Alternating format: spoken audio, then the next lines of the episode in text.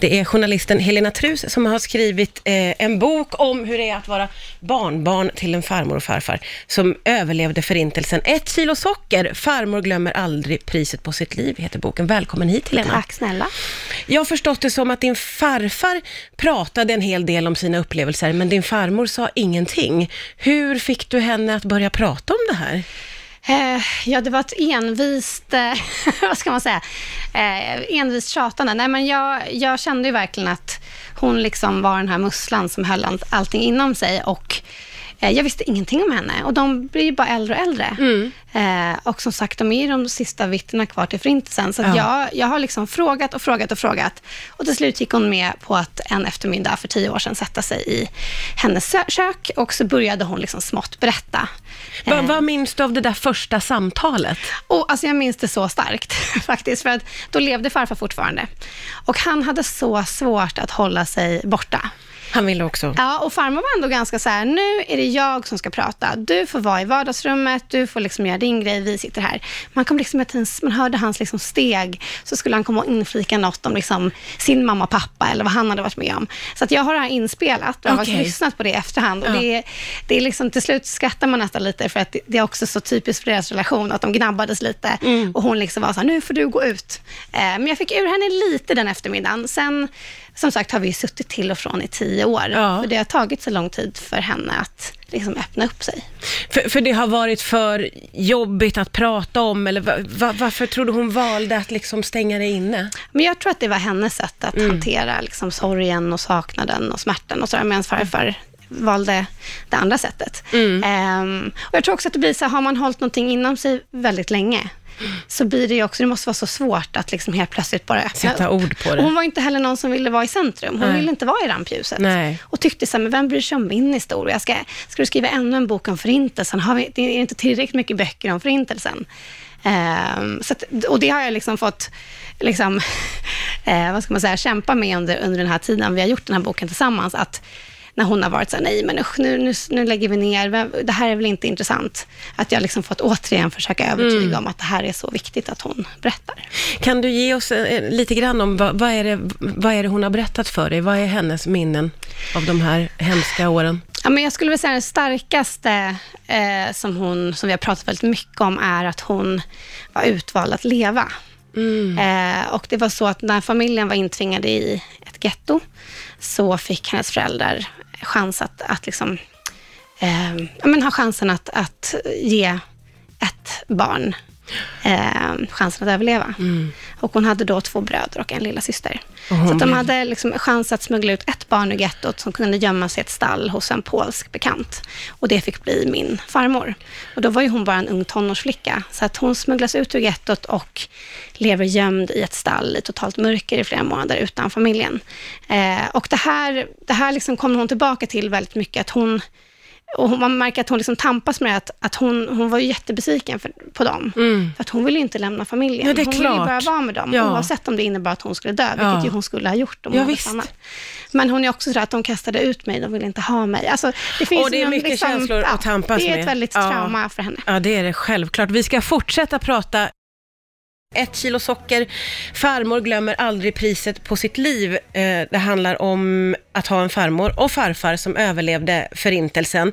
Och eh, det här med att farmor vill inte riktigt prata om vad som har hänt, men du, du lyckades lirka det ur henne även om det har tagit tio år. Jag förstår att era samtal gick från eh, att minnas till att vara mycket i nutid nutiden. Mhm. På vilket sätt då? Ja, men när jag började för tio år sedan så tänkte jag att det här, liksom, de här samtalen främst skulle handla om då. Om Ja. kriget och före kriget och kanske tiden om liksom, flykten till Sverige och sådär. Men liksom, ju mer åren gick och desto mer vi, vi liksom satt i hennes kök så trängde sig liksom omvärlden in. Ehm, det, vi såg att högerextrema partier ökade, både i Sverige, ute i Europa. Det var terrordåd som också sen skedde i Sverige. Ja. Ehm, och vi liksom hörde vittnesmål om judar i Sverige som blir utsatta för att de bär liksom, judiska symboler som liksom, Davidsstjärnan som jag har runt halsen. Ja. Och, eh, nej, men det var en upptrappning som kom liksom, smygande och liksom bara har växt. Ja. Vad sa din Ehm. farmor om det? Nej, men, och det har varit så jobbigt eh, också bisarrt på något sätt att sitta och höra om det hon hörde som ung flicka i skolan, att hon, alltså in, före kriget, att hon blev kallad jävla judinna och judesvin och sånt där. Och så har vi liksom ungdomar i Sverige idag som får samma glåpord. Är med om samma sak. Är med om och det är liksom och det blir så lätt när man pratar om Förintelsen. Det är så stort, det var så många människor som, som, som dog, så att alla tänker så här, men det, vi kommer ju aldrig hamna där. Och det kanske vi inte gör på det sättet, men det är ju ändå liksom, man blir så där, hur, hur kan det vara så att vi är liksom i begynnelsen där igen av att vi ser att de här krafterna växer starkare. Mm. Har vi inte lärt oss av historien? Nej, och, och det ver- verkar ju inte riktigt så Nej. då. Hur, hur är det för din farmor att liksom uppleva något slags steg tillbaka, eller vad man ska säga? Ja, men det är det att hon, hon är ganska krass. Eh, hon är sådär, ja, det här visste jag väl. Det är så här det är. Liksom. När man märker att liksom, det blir ekonomisk kris eller sociala kriser i ett samhälle, då kommer de här, liksom, då väck, det är ju så antisemitismen, liksom, de mekanismerna fungerar. Då växer sig de här krafterna starkare och det är enklare för den här typen av ledare att få med sig folk på det här. Eh, så att hon är mer så här, ja men det, det är en stor skillnad från hur det var då och nu. Då hade vi ingenstans att fly. Alla, alla europeiska länder stängde sina gränser. Eh, idag har vi Israel att åka till. Eh, Eh, men hon är ganska realistisk och, och inte så jätteförvånad, tyvärr. Nej. Jag är också nyfiken på hur det har varit för dig att växa upp i en familj där det här är historien och där det har pratats om det till viss del, men där man inte har pratat om det å andra sidan. Vi ska prata vidare om det. Det här tänker jag är ju någonting naturligtvis som din familj har levt med i alla år. Hur har det varit att ha med sig den här hemskheten, sorgen, skulden, allt Så, Hur är det att leva i den, i den tillvaron så att säga? Ja, men jag tänker att det också spiller ner på... Ja, nej men det är ju speciellt för att man ser, alltså om jag tänker min eh, liksom judiska identitet, eller man ska säga, har ju handlat under min uppväxt om Förintelsen. För mig, för mig har det varit liksom judendomen. Det är liksom, för farfar har pratat om Förintelsen, han har liksom malt och varit, han har liksom, kunde aldrig lämna skogen där han levde som partisan och sådär. Och så har vi firat lite högtider, men det var en ganska dyster liksom, bild.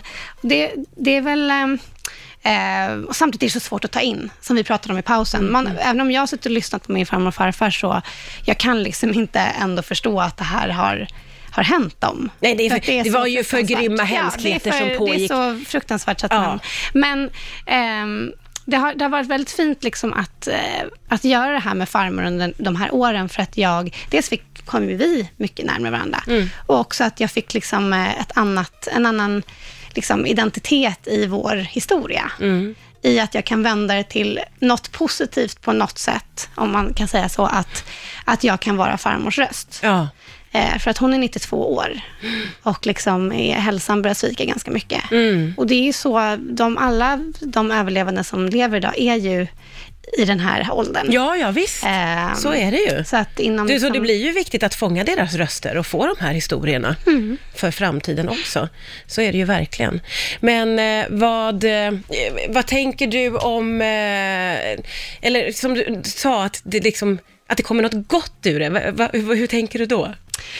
Nej, men det är väl liksom dels någon slags... Alltså, och då tänker jag kanske för hennes del att hon, hon liksom tog ju alltid steget tillbaka och lät min farfar stå där i Ja, rampljuset och ja. prata. Och det, det var säkert någonting som hon var ganska bekväm i också, Mm.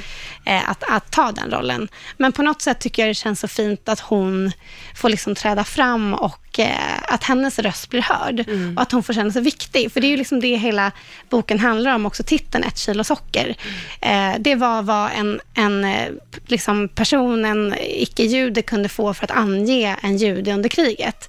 Så liksom obetydlig var en judes liv. Ett kilo socker för en jude eller judinnas liv. Och det har liksom präglat farmor och farfar så himla mycket. Ja. Deras liksom brist på värde och att man inte är, att man inte är värd någonting. Ja. Och nu på något sätt så är hon, ja, det, det tänker jag är liksom är det positiva, att hon kanske får känna att, att hon liksom har bidragit och att Ja. hon får känna sig viktig och Ja. att hon är värd så himla mycket. Ja men verkligen. Eh, boken heter Ett kilo socker, farmor glömmer aldrig priset på sitt liv. Helena Trus, tusen tack för att du kom till Rix FM idag.